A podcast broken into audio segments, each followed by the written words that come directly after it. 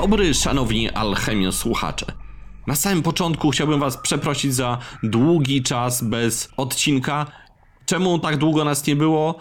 No cóż, jak zapewne wiecie, robimy ten podcast w kilka osób i czasem dopada nas zmęczenie, zniechęcenie, życie, brak czasu i inne prozaiczne sprawy. Czasem po prostu trudno jest zabrać się za odcinek. Mogę Was zapewnić, że na pewno jeszcze będą się pojawiać wywiady w Alchemii. Ja po prostu kocham podcasty i lubię je nagrywać. Nagrywam je i nagrywać będę. I wcale niekoniecznie będą one o piwie. Chciałbym Was od razu zaprosić na mój drugi podcast, który nazywa się Pod pełnią i robimy go wspólnie z Kubą, gdzie odsłaniamy wspólnie mroczną i tajemniczą część rzeczywistości, a także nierzeczywistości. Tymczasem, wracając do alchemii, zapraszam Was na wspaniały wywiad z dwoma młodzieńcami, Bartkiem Nosowiczem i Wojciechem Bychawskim ze sklepu White Whale i browaru Magic Road.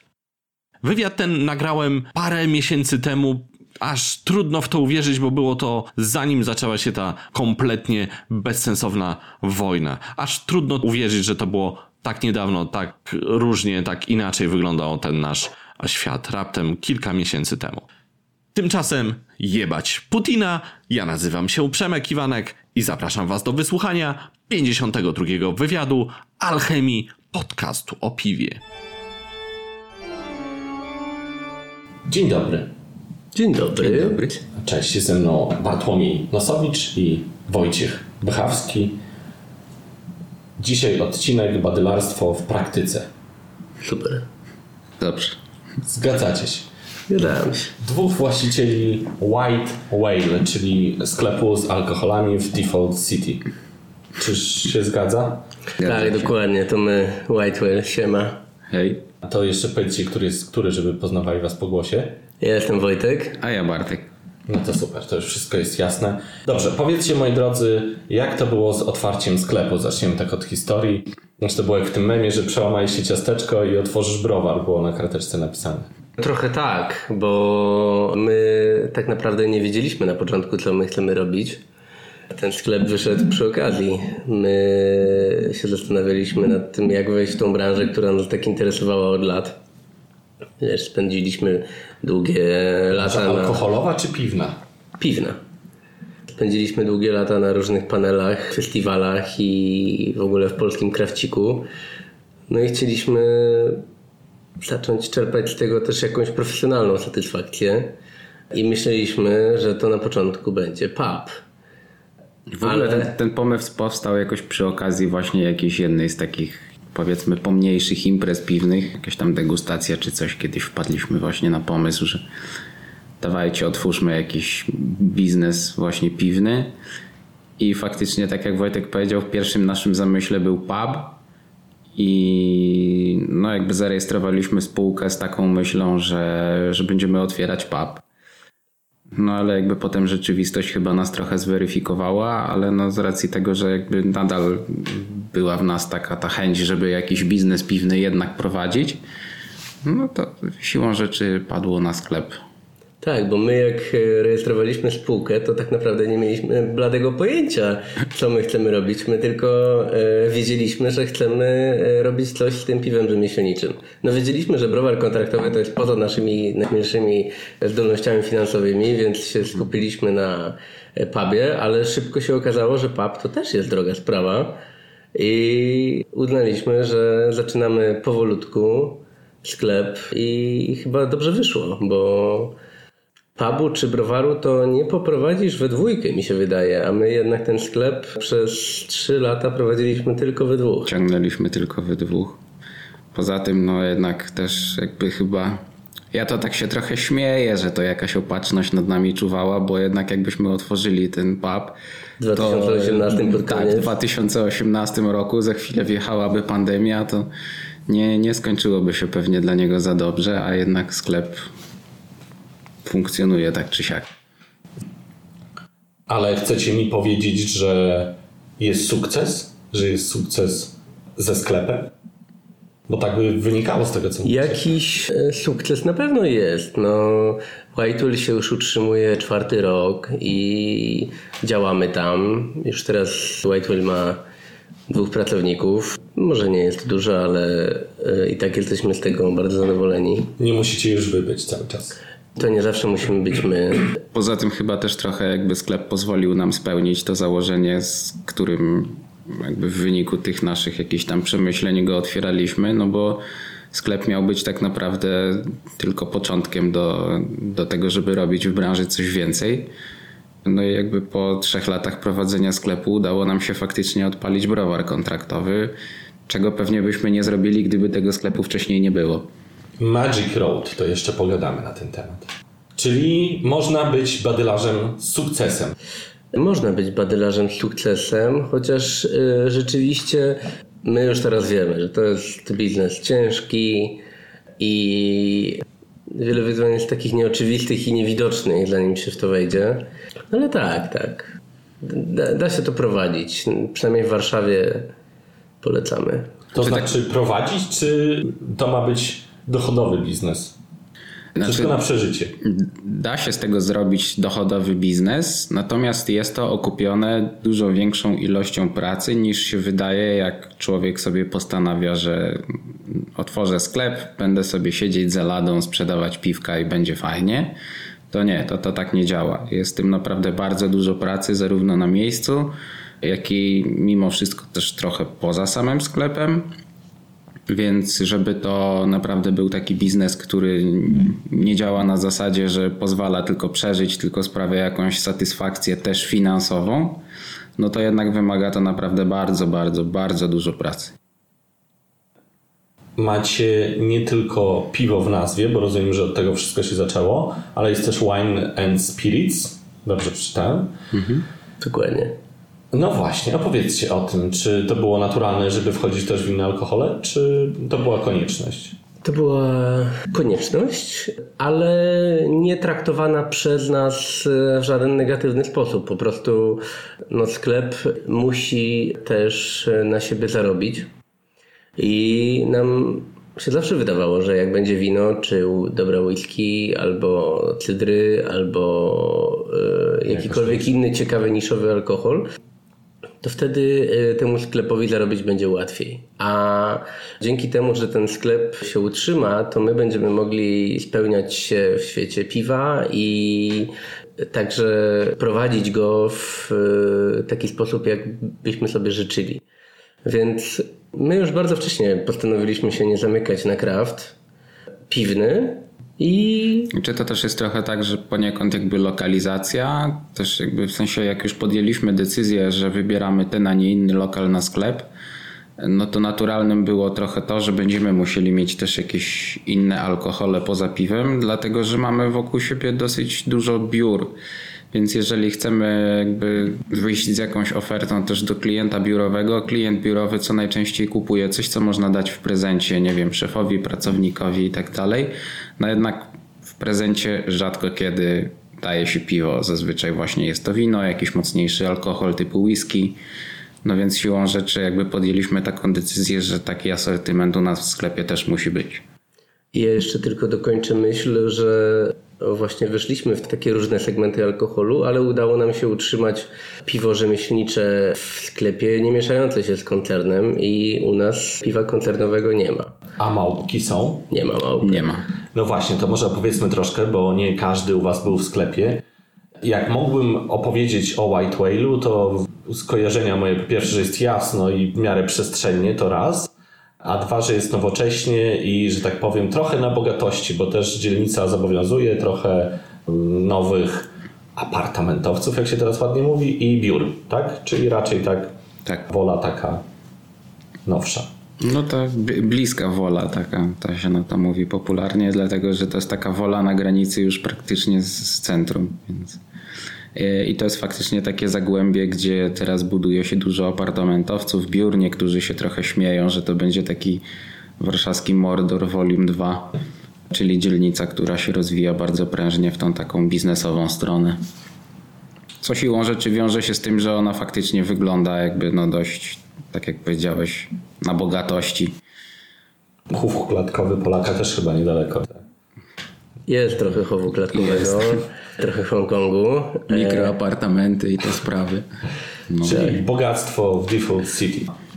Czy to jest dobra lokalizacja? Bo przy otwieraniu pubu zawsze się mówi, czy tam restauracji, że 80% sukcesu to jest lokalizacja. Jak wy sądzicie, czy to, że są nowe bloki albo właśnie biura, czy to jest dobra lokalizacja dla sklepu z piwem i innymi alkoholami, czy też nie? Mi się wydaje, że ten procent w przypadku pubu jest trochę wyższy niż sklepu. Jeśli chodzi o sklep, to bym powiedział, że 50% sukcesu to jest lokalizacja. I nasza lokalizacja pozwoliła nam się utrzymać, ale e, te doświadczenie zdobyte przez 4 lata też na pewno jakieś przemyślenia zrodziło i chyba byśmy trochę inną lokalizację teraz wybrali. Więc nasza lokalizacja zdecydowanie nie jest idealna. Ale jest niezła. Jest po prostu niezła. Mamy dużą bazę stałych klientów, którzy mieszkają po prostu niedaleko sklepu, lubią nas, znajdą tam dobre winko czy dobre piwo. I myślę, że wyszło dobrze z tą lokalizacją. A jaka by była lepsza? No oczywiście lepsza lokalizacja to jest y, przy główniejszych ulicach albo tych, gdzie są skoncentrowane pasaże handlowe. Nie mówiąc oczywiście o galerii handlowej, która pewnie byłaby najlepsza, oczywiście nie w czasach lockdownu, ale to wszystko wiąże się z kosztami, które y, dla nas były wtedy y, Trochę poza zasięgiem. Zdecydowanie właśnie poza zasięgiem. Yy, I skończyliśmy na e, ulicy Giełdowej, która jest zdecydowanie taką uliczką mniejszą, ale nam się przysłużyła. Myślę, że w momencie, kiedy otwieraliśmy ten sklep, to jak na nasze mierzmy siły na zamiary, to była najlepsza jakby możliwa lokalizacja, jaką byliśmy w stanie wybrać.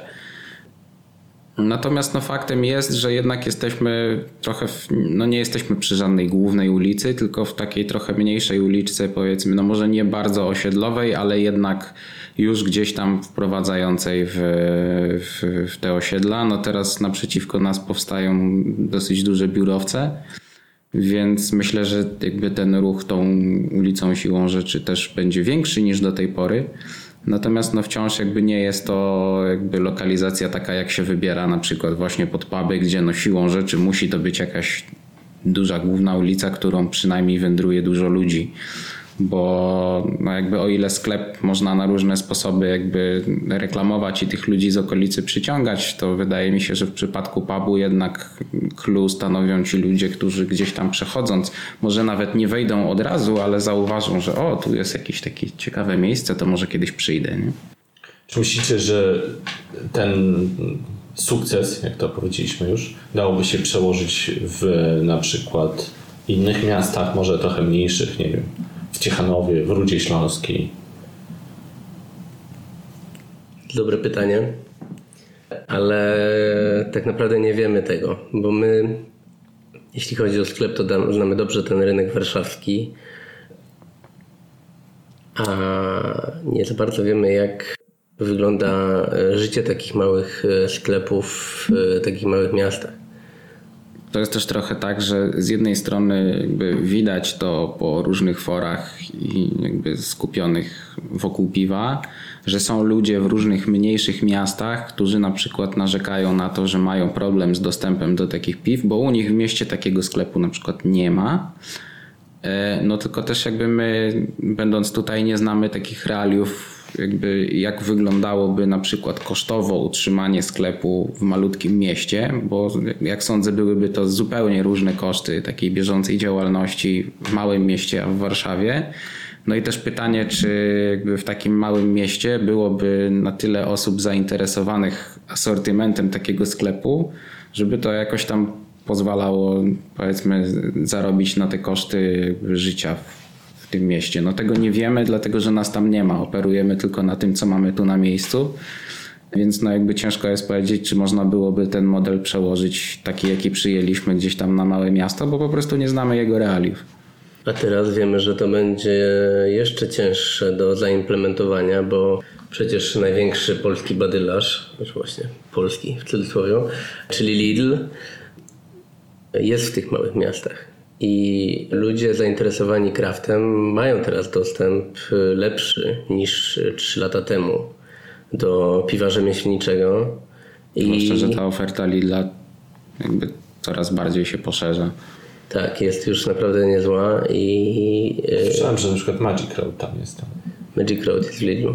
Tak, jesteśmy, ale jakby to też jest trochę taka kwestia, że my ponieważ jesteśmy i badylarzami i prowadzimy ten browar i wiemy jak to wygląda, jeśli chodzi o tą relację, że piwo w Lidlu kosztuje ileś, a u badylarza kosztuje ileś. Przyjęliśmy trochę taką politykę, jeśli chodzi o Magic Road, że jakby co w Lidlu, to w Lidlu, a co w specjalistycznych, to w specjalistycznych. No dobra, i tu dochodzimy do kontrowersji, bo kontrowersje zawsze muszą być, bo znaleźliście się w memie, prawda? W którym e, badylarze pojawiają się przed Lidlem.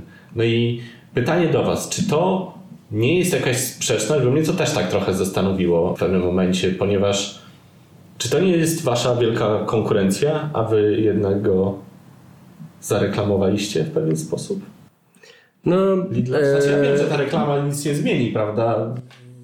Metę, ale... Globalnie nie, nie, wiadomo, Globalnie, ale pytasz, czy nie jesteśmy takimi zdrajcami, można powiedzieć, naszego źródełka? Nie, nie, raczej, raczej wiesz co, nie zdrajcami, bo w ogóle nie mam takich różnicujących, wiesz, że to jest dobre czy złe. Nie, no to oczywiście w cudzysłowie, się, nie? Z punktu widzenia waszego biznesu, dla was, czy wy nie robicie sobie sami źle? Wiesz co, e, mam nadzieję, że nie, bo Lil jest w ogóle dobrym badylarzem pod tym względem, że właśnie osoby z mniejszej miejscowości... Niemiecki zaborca. Tak. Zaborca jest o tyle dobry, że właśnie osoby z mniejszych... Ktoś nam napisał taki komentarz. Nie, ktoś nam napisał, że... Że zrobić sobie zdjęcie pod Lidlem to jak zrobić sobie zdjęcie z Hitlerem. No właśnie. tak, to było pod naszym postem w ogóle. To jest tak zwany argument ostateczny. Argument ostateczny, tak. Nie no, zdecydowanie zarobiliśmy wtedy unfollow na, na Facebooku od tego gościa. Tak. Ale wracając do meritum, no my staramy się jednak tak wyobrażać sobie Lidla, że jest to po prostu inny rodzaj gracza. No. I tam będzie zawsze trochę inny rodzaj produktu. No oczywiście, że te IPy, y, które są w Lidlu i to są te same bardzo podobne IPy do tych, które są w sklepach specjalistycznych. No ale Magic Road na przykład będzie się starał tak robić, żeby te puszki, które są robione dla Lidla, czy butelki były tylko tam i te piwa, które będą w sklepach specjalistycznych będą pochodzić e, z e, trochę innej produkcji. To będą mniejsze warki, różniące się. Wcale nie mówię, że któryś na korzyść innych, ale. No, jakby wyszliśmy trochę z takiego założenia, że w Lidlu zależy nam na tym, żeby dotrzeć przede wszystkim do takiego odbiorcy, który potencjalnie jakby może na przykład nie ma w ogóle jeszcze pojęcia o tym, że jakieś piwo rzemieślnicze istnieje, bo naprawdę są tacy ludzie. I on no raczej do sklepu specjalistycznego nie zawędruje, no bo skoro nie wie, że on istnieje, to jak ma zawędrować? To jest rzecz pierwsza. Dwa, że może być jakby gdzieś z jakiegoś miejsca, gdzie takiego specjalistycznego sklepu nie ma. Do Lidla na takie czy inne zakupy i tak pójdzie. I w Lidlu jakby trafia, patrzy, jest półka, są o, jakieś ciekawe piwka, no to wezmę i spróbuję. Hipotetycznie rzecz biorąc, no jakby szanse są takie, że nie wiem, że trafi choćby właśnie na piwo z Magic Road, spróbuje i stwierdzi, kurde, fajne, smakuje mi. Jestem ciekaw, co to jest, i jakoś tam gdzieś ten temat zacznie bardziej zgłębiać. Natomiast do sklepów specjalistycznych raczej w większości przychodzą ludzie, którzy są już jakoś tam świadomi, i jakby oni wiedzą, czego szukają i dlaczego tego szukają. Więc no jakby nasza oferta, która będzie w tych sklepach specjalistycznych dostępna, będzie raczej właśnie skierowana do takich ludzi.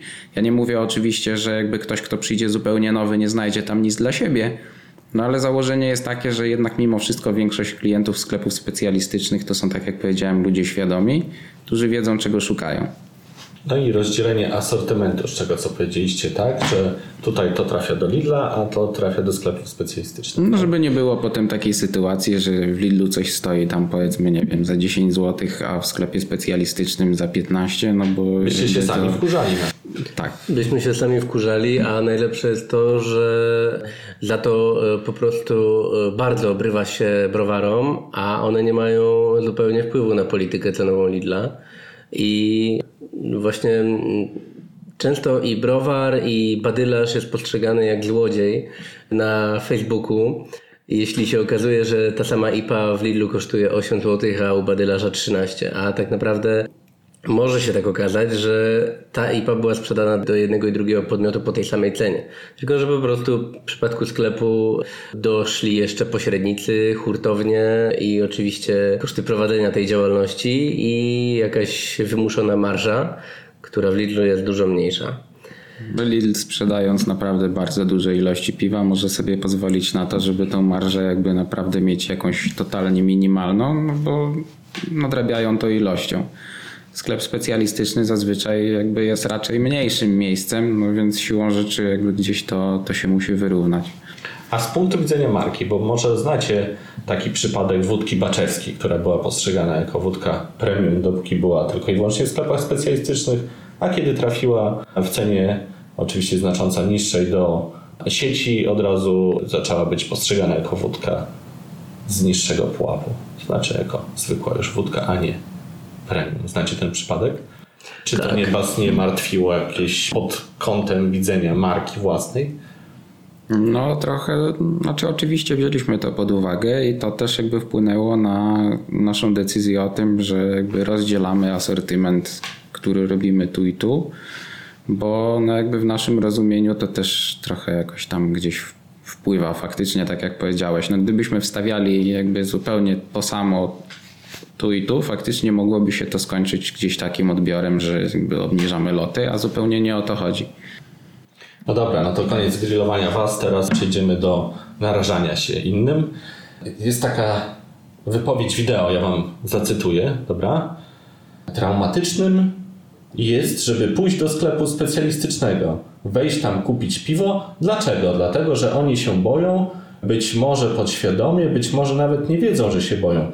Boją się, że wyjdą na debili, na Januszy, że przyjdą do takiego sklepu i ktoś ich wyśmieje. Albo ten, co kupuje obok, albo ten, co sprzedaje, a w Lidlu tego nie ma. Nawet jak wyjdę niezadowolony, to i tak nic się nie dzieje, ale pójdziesz do specjalistycznego, te drzwi tak skrzypią, nikogo nie ma. Czy coś pomóc? Nie, nie. Kurwa, widzisz tych 500 piw, ja pierniczę, jakie tu wziąć? Bierzesz to, widzisz, że gość się śmieje. No to po co ten chłam sprzedajesz, jak się śmieje z ciebie? Nie. Cześć, tutaj Tomek Kopyra z blogu blogkopyra.com. Chciałem przeanalizować ten utwór. Jest to oczywiście fragment większej całości, której niestety nie poznam. No więc analiza tego utworu. Co sądzicie na ten No temat? my się zaśmiewaliśmy w niebogłosy, e, jak zobaczyliśmy ten filmik, bo pokazuje to trochę sytuację w e, sklepie specjalistycznym. Jest to takie obrazowe, nie? Rzeczywiście Jest to bardzo obrazowe, co tam Tomasz ma Tomek zrobił. dar. Jest to trochę obrazowe i ja na przykład jestem w stanie postawić się zarówno po jednej, jak i po drugiej stronie, dlatego że faktycznie jak stoję w sklepie jako sprzedawca, to widzę po ludziach to, że oni czasem tak przychodzą i tak zaglądają przez te drzwi i tak patrzą. Co, tak, co tam jest, kurczę, wejść, nie wejść, tak, no dobra, wchodzą, ale tak nie za bardzo wiedzą, o Drzwi co skrzypią? chodzi. Drzwi akurat nie skrzypią, Pamiętajcie, ale o lifcie drzwi. tak, Lepiej ale- oliwa niż WD-40, to wam poradzę. WD-40 to jest penetrator, a nie smart. A niektórzy używają zamiennie, niesłusznie. No i jakby oni tak wchodzą i nieśmiało i nie do końca wiedzą. I z jednej strony ja to rozumiem, dlatego że też mi się zdarza iść do jakiegoś sklepu, chcieć kupić coś, na czym się totalnie nie znam, ale w danej chwili jest mi to z jakiegoś powodu potrzebne, więc jak wchodzę do sklepu, no to też tak nieśmiało, no bo tak naprawdę ja nie wiem, co ja dokładnie potrzebuję, albo być może na przykład nie wiem, że możliwości są takie albo inne, więc jakby no naturalną reakcją jest to, że wchodzę trochę nieśmiało. No i jakby okej, ja takiego klienta jakby rozumiem, natomiast no jakby z punktu widzenia badylarza, z jednej strony ja tam jestem po to, żeby ci człowieku doradzić i moją rolą absolutnie nie jest cię wyśmiać, no bo mnie... Tu trochę popłynął Tomek. Wyśmiewanie w sklepie to akurat nie widziałem. Do, do tego też zaraz dojdę. Do Ja tego, potrafię do tego sobie też zaraz dojdę. wyobrazić, że ktoś może wyśmiać, ale no sprzedawca, który wyśmiewa, przegrał, bo No, do e, sklepu specjalistycznego nie walą takie tłumy jak do Lidla i jak ktoś do nas przychodzi, to my naprawdę musimy się postarać, żeby tego klienta zatrzymać, zaciekawić i żeby on wypił tą świeżą ipkę i żeby mu się to spodobało. A jeśli byśmy kogokolwiek wyśmiali, to no, zaoralibyśmy się szybko. To jest też trochę tak, jakby co chciałem jeszcze powiedzieć, że jestem w stanie w jakiś tam sposób jakby dostrzec taki mechanizm, że jeżeli stoisz za ladą jako ten badylarz i wchodzi klient, który jakby nic totalnie nie wie i za każdym razem jakby musisz mu od początku opowiedzieć tą historię, skąd to się wzięło, dlaczego, co to jest i tak dalej, więc kiedy przychodzi ci taki klient piąty, dziesiąty, piętnasty czy dwudziesty, no to jakby twoim zadaniem jest za każdym, zrobi, za każdym razem jakby tę opowieść przedstawić tak, żeby ten klient jakby wyszedł usatysfakcjonowany ale domyślam się, że gdzieś tam wewnątrz w takim sprzedawcy, jak, kiedy robi to samo po raz 50 danego dnia, może się rodzić takie trochę na zasadzie, kurde, no człowieku, to po cholerę tu przyszedłeś. Mhm. No właśnie. Więc stąd takie zniecierpliwienie przyszedłeś i szukasz czegoś, o czym totalnie nie masz pojęcia, więc jakby po cholerę ci to. No i w sytuacji, kiedy taki sprzedawca jakby, jakby gdzieś tam da sobie dojść do głosu tej, temu zniecierpliwieniu, to faktycznie może się to kończyć w ten sposób, że po, po prostu potraktuje jakiegoś klienta trochę niemiło. Tak? No i jak to jest to, co Wojtek powiedział, no jakby w tej sytuacji, jeżeli coś takiego się zdarza coraz częściej, no to taki sklep się za długo nie utrzyma, no bo klienci będą już go kojarzyć jako, jako ten sklep, gdzie się wchodzi i sprzedawca jest opryskliwy i niemiły, no i no to po co tam chodzić? Ja mam taką piekarnię niedaleko, jest tam wiecznie obrażona pani. Nigdy mi dzień dobry nie powiedziała, nigdy dziękuję mi nie odpowiedziała. I zawsze mówię. Bo to jednak widać, jak się wchodzi no do różnych, do różnych sklepów, to czasem widać, że sprzedawca stoi tam za karę, nie? tak się mówi, że, że ktoś stoi za ladą za karę. U was tak nie ma. No staramy się, staramy się żeby, nie, tak było. nie było. Ale to też e, różnie jest w tym sklepie, bo właśnie wielu rzeczy się nie, nie widzi.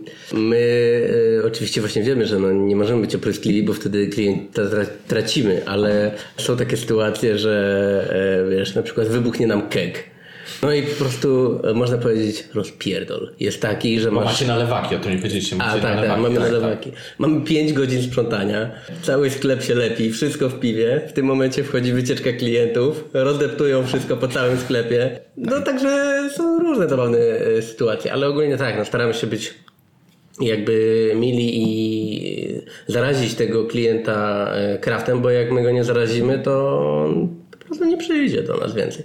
Jak dżumę. Także no nie powiemy, że takiej tak, sytuacji nie ma, bo jesteśmy też tylko ludźmi, natomiast no staramy się, żeby, żeby ich nie było.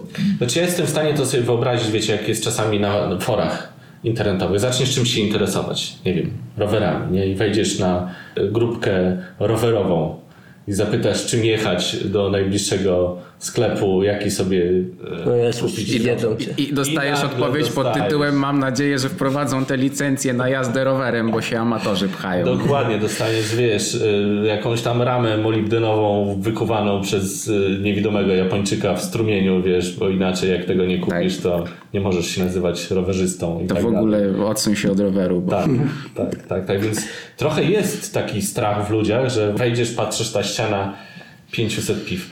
Aczkolwiek wydaje mi się, że Oczywiście doceniam retorykę Tomasza i to, że rzeczywiście potrafi bardzo skrótowo i malowniczo opisywać.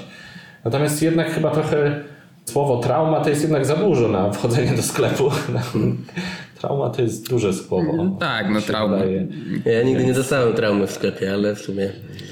No tak, nie no, wiem, ale... jak w innych sklepach. Tak mi się wydaje, że chyba to nie jest aż taki problem z tymi nie, no trauma to jest ewidentnie jakby myślę, że zostało użyte tutaj w kontekście takim, żeby uzmysłowić problem, a nie, że Hiperbola. faktycznie tak, jest to jakaś tam trauma, no bo jednak trauma to jest bardzo duże słowo. Ale no, no tak, no w jakiś tam sposób może być to takie no może nie tyle negatywne, ale średnio przyjemne doświadczenie, tak? A może to jest tak, że my po prostu teraz się lubimy coraz bardziej izolować, wiecie, idziemy w kierunku Japonii, idziesz do tego supermarketu, rzeczywiście bierzesz co chcesz, nabijasz sobie sam na kasę. W ogóle to jest jakiś sprytny pomysł, zobaczcie, nie trzeba płacić kasjerom, nie? w takim Lidlu. Zawsze był problem z kasjerami, a teraz jest sam człowiek nabija, nie? Sam odwala robotę. A Ale gdzieś czytałem artykuł, że generalnie kasy samoobsługowe w sklepach są najmniej chętnie wybierane przez klientów. tak? A ja Klient- widzę u mnie w sklepie, że tam głównie kolejka. Też bym się nie zgodził w tym. Gdzieś ktoś... Ja kocham kasę samoobsługową. Ja też na przykład bardzo lubię, ale jakby podobno mimo wszystko jednak nadal większość klientów mając do wyboru zwykłą standardową kasę i kasę samoobsługową jednak wybiera taką tą zwykłą, gdzie ta obsługa jest, bo ta samoobsługowa to może coś źle nabije, może się zatnie, będzie trzeba czekać na obsługę, aż przyjdą i mi pomogą, a tu wykładam na ladę, dziękuję, do widzenia. No powiem tak, u mnie w sklepie jest stosunek dwóch takich standardowych, w których zazwyczaj jest jedna pani, kontra sześć samoobsługowych, przy których cały czas są ludzie. Także. No ja na przykład też wybieram samoobsługowe, ale to dlatego, że jest do nich mniejsza kolejka zazwyczaj. No dobra, i czy my nie idziemy do tego, żeby właśnie się tak izolować, nie mieć w ogóle kontaktu z ludźmi, wiecie, schować się w piwnicy, niech mi pod drzwi dowiozą i w ogóle tylko w telefonie. Chodzicie na panele, podobno powiedzieliście. Nie, już teraz nie. Teraz Ja już nie, ale tak Zdarzało było, no. się wam na panelach na pewno, że nikt się nie odzywa i tylko wszyscy dziobią w telefon. O, to było straszne. Znaczy, bo ja nie jestem Czy antap... to nie jest troszkę ta sama, wiecie, żeby się trochę odizolować od innych? Trochę Nie tak, ale to też jakby z, zależało od panelu, nie? bo był, te, były takie panele, gdzie jakby przychodzili ludzie, którzy tak naprawdę mieli trochę gdzieś to, że tam będą mieli 500 check-ina i raczej chodziło właśnie o wymianę doświadczeń, a zdarzały się faktycznie takie, gdzie generalnie każdy telefon untapped i o kurde, trzeba dać ocenę. Nie? Może No ja nie jestem- lubią rozmawiać z ludźmi. Mm, Ja, ja nie jestem antaptowy i ja lubię rozmawiać z ludźmi, więc y, teraz na przykład wolę sobie wyjść na to pani pani do pubu niż na panel. Mocne alkohole. Czy są w natarciu? Pytam zwłaszcza o alkohole takie jak destylaty z cydru na przykład. Jak sądzicie? Myślę, że są w odwrocie, jeśli chodzi o polski rynek. Destylaty? No. Naprawdę? A wszyscy mówią, że jak był kraft piwny, to teraz kraft destylatowy. Ach, no bo jeśli mówisz o tym, że jest w natarciu kraft destylatowy, to masz rację. Ja mówię o tym, że... O e, zwykłej wódce. e, nie, że generalnie e, ilość spożywanego destylatu na mieszkańca Polski się zmniejsza. Ale spożywanego czy kupowanego? Bo na przykład whisky rośnie. Patrząc na przykład po sytuacji u nas w sklepie, to jest tak, że ludzie, jeżeli mówimy o alkoholach takich mocnych, nazwijmy to standardowych, typu wódka, whisky i tak dalej, kupują ich coraz mniej albo w mniejszych opakowaniach, jeżeli są dostępne. Natomiast jeżeli już kupują, to są w stanie na to poświęcić trochę więcej kasy, czyli jakby piją mniej, ale lepiej. Premiumizacja. Okropne słowo. Trochę tak. Natomiast jeśli chodzi o jakby to, o czym wspomniałeś, czyli ten taki de- destylat rzemieślniczy, czy on jest z cydru, czy jakby z piwa, to jest to chyba coś nowego, więc jakby jest tym jakieś zainteresowanie z tego względu, no jakby, że o kurczę, coś nowego, ciekawe jak to smakuje, więc ten klient jakby taki kraftowy nazwijmy to, dosyć chętnie też skieruje się w stronę takich destylatów. Czy bierbrandy się sprzedają w takim razie, czy kompletnie nie i to jest tylko próba kolejna wyjścia browarów do czegoś nowego? To zależy. Ale... I dyskusja zakończona. Tak. Nie, no w sensie y, było takich parę beer brandów, które u nas sprzedawały się na pniu, a z drugiej strony jest kilka takich butelek, które stoją już od jakiegoś czasu i Zbierają kurz. zbierają kurz, bo to też trochę zależy od tego, z jakiego piwa ten beer brand jest zrobiony i jaka destylarnia zajęła się przerobieniem tego piwa na destylat. Okej, czyli jednak rozpoznawalność jest ważna dalej. I Marketing, jest tak. promocja. Tak, zdecydowanie większe szanse ma sprzedać się beer brand zrobiony z udziałem browaru, który jest rozpoznawalny na rynku i ma jakąś tam ugruntowaną pozycję na podstawie tego, że robi dobre piwa, niż jeżeli taki beer brand wypuści jakiś pomniejszy browar, który mało kto zna. Na zasadzie ciekawostka, czy wrócą po to? Ciekawostka. Raczej ciekawostka. Beer brandy są bardzo drogie. To są często butelki, które kosztują dwie stówy na półce i w tej cenie klient ma do wyboru albo beer branda z jakieś tam nie najświeższe ipy albo single malta torfowego bądź łagodnego, jakiego on sobie wymarzy. podstawowego, tak. I dlatego uważam, że to jest ciekawostka. Nawet podstawkę koniaku można sobie kupić za 200. No, Taką sympatyczną. wszystko kupisz dobre za dwie stówy. Jakiś podstawowy Calvados. To prawda. Ale kalwadosy to takie starsze, lepsze. Tak. No wiadomo. Dobrze, Magic Road. Opowiedzcie o tym projekcie. W ogóle sama nazwa już jest pociągająca. Dla mnie przynajmniej. Wiesz co, z tym Magic Roadem to w ogóle była śmieszna historia, bo jakby dosyć długo debatowaliśmy nad tym, jak ten browar nazwać. A spojrzeliście na grafiki cydru pełnie i powiedzieliście tak, to jest to. Tak, Rozgryz nas. raz z cholera, no. No dobra, fajnie było, to pogadaliśmy. Nie, ale poważnie, jakby faktycznie jakby dosyć długo dyskutowaliśmy nad tym, że jakby jak to, jak ten browar nazwać, żeby jakby ta nazwa też trochę przedstawiała to, jaki gdzieś tam mamy zamysł i koncepcję za tym. I jakbyśmy się chcieli uczepić tak zupełnie jakby językowo, to w sumie bardziej powinno być bardziej Magic Path niż Road, dlatego że no road jakby po angielsku to jest rozumienie takie, że jest to kawałek asfaltu, po którym się jeździ samochodem.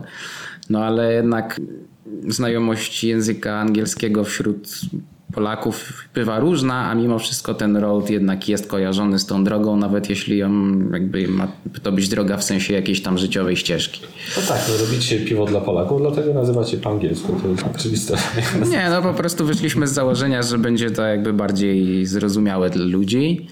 Chodziło nam jakby o to, że to jest trochę tak, że ktoś tam sobie może być, nie wiem, prawnikiem, ktoś sobie może być pilotem, ktoś inny spawaczem albo pracować na budowie, ale jakby większość z nas zaczyna od tego, że jak pada hasło piwo, no to ludzie myślą, nie wiem, Lech, Tyskie, Żywiec i tak dalej.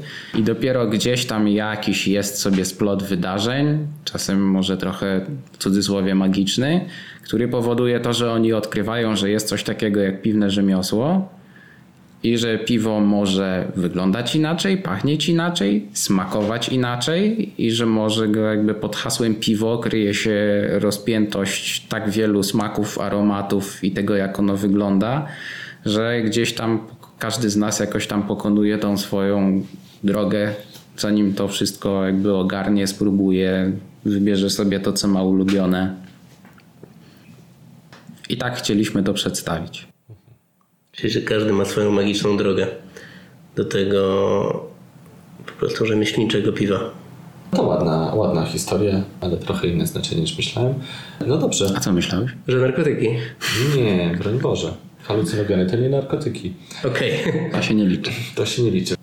Zostaliście w takim razie hurtownikami teraz. Jesteście jednocześnie i sklepem, i hurtownią. Tak. Tak. Czyli sami sobie... W świetle prawa tak. Kurczę, to sprytne. Jak wam się wiedzie, no bo jednak otwieranie, przepraszam, prowadzenie sklepu to już jest pewnego rodzaju wysiłek, a tu jeszcze dochodzi browar kontraktowy, który jak sobie potrafię wyobrazić też potrafi dołożyć sporo pracy i rzeczy do załatwiania. No, my ten browar kontraktowy rzeczywiście prowadzimy w taki sposób, który trochę tej pracy wymaga, bo postawiliśmy sobie dość wysoką poprzeczkę, jeśli chodzi o ilość premier czy nowych piw. I teraz tych piw wychodziło wcale nie mało, bo tak staraliśmy się, żeby to były minimum 4 piwa miesięcznie. Teraz będzie ich trochę więcej, bo w lutym na przykład spodziewamy się 7. I no tak, pracy trochę jest, ale dajemy radę chyba. No też jakby między innymi dlatego pojawili się u nas w sklepie pracownicy, żeby mogli nas jakby z tej pracy sklepowej trochę odciążyć. Ale faktem jest, że no jakby nie są to jakieś tam sztywne ramy na zasadzie 8-16 i dalej mnie nie obchodzi. Tylko no często jest to tak, że na przykład my z Wojtkiem przychodzimy rano do sklepu, no bo siłą rzeczy w sklepie też musimy być. Spędzamy w tym sklepie, nie wiem, 7, 8, 9 godzin i jakby wracamy do domu i dalej kontynuujemy pracę, bo w międzyczasie no jakby tu robiliśmy w sklepie i w browarze jednocześnie, a potem wróciliśmy do domu, ale praca w browarze jeszcze nie jest skończona. Więc czasem się zdarza, że na przykład godzina 22, a Wojtek do mnie pisze i co, odszedłeś już od komputera? Mm, No i tak to działa. No. Co jest trudniejszym kawałkiem chleba? Browar kontraktowy czy sklep? Mi się wydaje, że sklep. W sklepie jest więcej jakby takiej roboty, którą jakby trzeba zrobić jakby osobiście, na zasadzie coś przenieść, przestawić, przełożyć, której w browarze jakby nie ma. Znaczy nie to, że nie ma, ale jest jej mniej. Plus no, w sytuacji takiej jak nasza, kiedy my mamy różne rodzaje alkoholi, no to jakby to trzeba też pilnować na wielu różnych poziomach, choćby z tego względu, że na każdy jakby rodzaj alkoholu w zależności od procentów jest inna koncesja. Trochę inaczej jakby jest liczony, liczona opłata koncesyjna, więc to są rzeczy, których trzeba pilnować w sklepie, a w browarze nie, bo koncesja hurtowa jest jedna.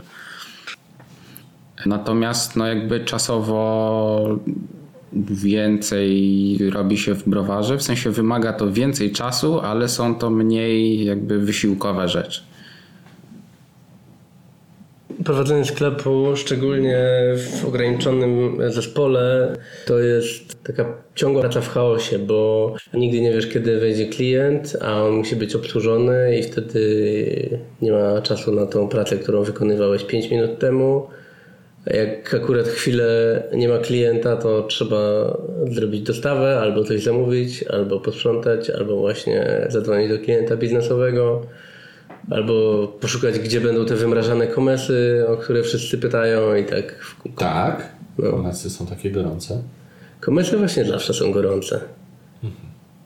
Jest to jedna z takich aha, pozycji, gorące. które, tak, które jak się pojawiają, to zawsze jest bardzo dużo zapytań. Kiedy będą, ile, ile będzie, czy można odłożyć. No i to też trzeba wszystko jakby przypilnować, żeby je w odpowiednim momencie do sklepu zamówić, że jak one przyjdą, to żeby je odpowiednio szybko postawić na półkę. Bo się domagają. W międzyczasie już się zleci pięciu klientów, którzy będą stali i generalnie patrzyli, jak wyciągasz je z kartonu. Tak, to prawda, ale i tak gorsze jest to, co robią czasami browary, jak nie wiem, czy to Fortuna zrobiła, czy to Cormoran, ale ktoś tam ogłosił, że wiesz, wychodzi y, Imperium Prunum Essencja albo właśnie pierwszy wymrażany komes i dopiero na końcu posta na Facebooku było napisane, że tam już za trzy miesiące. Ale my oczywiście przez trzy miesiące dostajemy wiadomości codziennie, czy, Czy już jest? czy, już, czy już się spóźniłem, bo to już od pięciu minut jest informacja, więc... Tak, to jest też zaskakujące, że czasem jest tak, że browar dopiero wrzuca zapowiedź jakiegoś piwa na zasadzie. Tak, bo oni je dopiero Będzie za trzy miesiące, bo oni je dopiero zaczęli robić, a klienci już piszą do sklepu, czy już może stoi na półce i mogą po nie przyjść. Czy wy chcecie w Magic Road też robić takie piwa, jakieś wymrażanki, jakieś drogie i tak dalej, czy raczej takie codzienne? Chcemy, Chcemy robić, tak. nawet może robimy. Co będzie ciekawego w browarze Magic Road? Co się wydarzy? Nie odsłaniając za wielu kart, y, od y, paru tygodni bawimy się w wymrażanie. Właściwie od paru miesięcy, bo... Czyli trafiłem. Tak, trafiłeś. Wymrażaliśmy nasze Pretty, czyli pastry soura z białą czekoladą. Staraliśmy się troszkę zwiększyć to wymrażanie i yy, wymroziliśmy już kolejne piwka, których szczegółów jeszcze na razie nie powiemy. Ale tak, no robimy to i liczymy, że się zaraz ułożą i będą gotowe do spożycia. Gdzieś tam powoli jakby zalewają się różnej maści beczki. I w Lidlu nie będzie. Nie, raczej Wymrażanych nie. nie, nie, tego nie. Co was kręci prywatnie? Piwnie czy w ogóle? W ogóle. Bardzo lubię wszelkiej maści zagadnienia związane z samochodami i szeroko pojętą techniką. Lubię sobie w wolnych chwilach różnej maści urządzenia rozebrać na części, choćby po to, żeby zobaczyć, jak działają. A później nie jesteś w stanie złożyć i ona działa dalej. Tak, ja w ogóle. I tak nie zawsze wychodzi, muszę ci powiedzieć. Ja wiesz co, zanim otworzyliśmy z Wojtkiem sklep i zanim zaczęliśmy działać jakby profesjonalnie w branży, to pracowałem przez e, no, niecałe 9 lat w serwisie audio, więc jakby wzmacniacze, jakieś tam konsole, gramofony. Przez pewien czas jakby nawet zajmowałem się robieniem gramofonów pod zamówienie klienta, tak że ten gramofon wyglądał tak jak sobie klient zażyczył. Dalej jeszcze gramofony są gorącym tematem, czy to O tak, tak, tak. Ja się nie wkręciłem nigdy. Teraz powoli też e, magnetofony kasetowe wracają. No, to już mniej szanuję. Te taśmy się niszczyły jednak, większe. Niszczyły poza tym jakby taśma jednak z czasem traci na magnesowanie, więc im dłużej taka taśma leży, tym jakby ten dźwięk potem Pamiętam w samochodzie takie te kasety, co poleżały, to się nadawały szybko do śmietnika. do śmietnika. Wojtku, co ciebie kręci oprócz panelików? Oprócz panelików, mnie kręcą góry. Lubię chodzić. Polskie czy rozmaite? Rozmaite. Takie bardzo wysokie też, czy niekoniecznie? Bardzo wysokie też. Tak, ale, Ale- więcej? W Opowiedz górach wysokich w Himalajach nie byłem nigdy. Okej, a chciałbyś? Chciałbym. Ale na razie mnie nie stać. Ale e, kręcą mnie góry i kręci mnie taka aktywna turystyka. Lubię. E, Ale na Kazbek się załadowałeś. na Kazbek się załadowałem. To już coś. To już coś. Kręci mnie odwiedzanie nowych krajów, takich może niekoniecznie popularnych. I w sumie za chwilę lecimy do Salwadoru. No to Zobaczymy, jak to będzie. najpopularniejsze miejsce chyba turystyczne. Nie, nie. Nawet ciężko mi coś powiedzieć o Salwadorze. Wojtek się lubi wepchnąć w takie jakieś Bartek, dziwne, miejsce. Co, co ty wiesz o Salwadorze? Ja nie wiem, ale jakoś nie jest to destynacja, która, że tak powiem, pada mi na myśl jako pierwsza, gdzie chciałbym pojechać. Jakoś nie wiem, Salwador i w ogóle tam ten rejon kojarzy mi się z mało bezpiecznym miejscem. No, mafia, obcięte głowy i takie tam. No, ale, Ale Wojtek lubi. zrobimy tak, żeby było bezpiecznie. Dobra, powiedzmy sobie szczerze, nie każdemu obcinają głowy, okej? Tak, nie, no wiadomo. Tak samo jak byłem w Meksyku i ludziom Meksyk się kojarzy oczywiście tylko i wyłącznie z narkobiznesem i obcinaniem właśnie różnych części ciała. Właśnie, a przecież jest jeszcze korupcja. No właśnie. No, Jest dużo więcej ciekawych rzeczy. Porwania dla okupu. Porwania dla okupu, turystów między innymi. Tak, tak. Ale jak widać nic złego mnie nie spotkało i szczerze powiedziawszy czułem się tam bezpieczniej niż w Warszawie. Oczywiście zależy gdzie. Do Tijuany nie. Ja słyszałem, że na przykład y, ten Yucatan turystyczny jest tak samo bezpieczny jak Europa Zachodnia, a z drugiej strony e, Acapulco, które jest turystyczne, jest bardzo niebezpieczne. Tam jest duża koncentracja przestępczości. Powiem Ci tak, w Nowym Jorku są takie dzielnice, w które naprawdę lepiej nie wchodzić, a po zmroku masz 99% szans, że nie wyjdziesz stamtąd cały. A to dość jednak cywilizowane. Wyjdziesz całego bez portfela. No, czyli nie cało. Różnie może być. Myślę, że może to też jest trochę taka kwestia, tak jak załóżmy w Neapolu. W Neapolu przecież też, nie wiem czy jakby nadal na taką skalę, ale bardzo długo Neapolem rządziła mafia.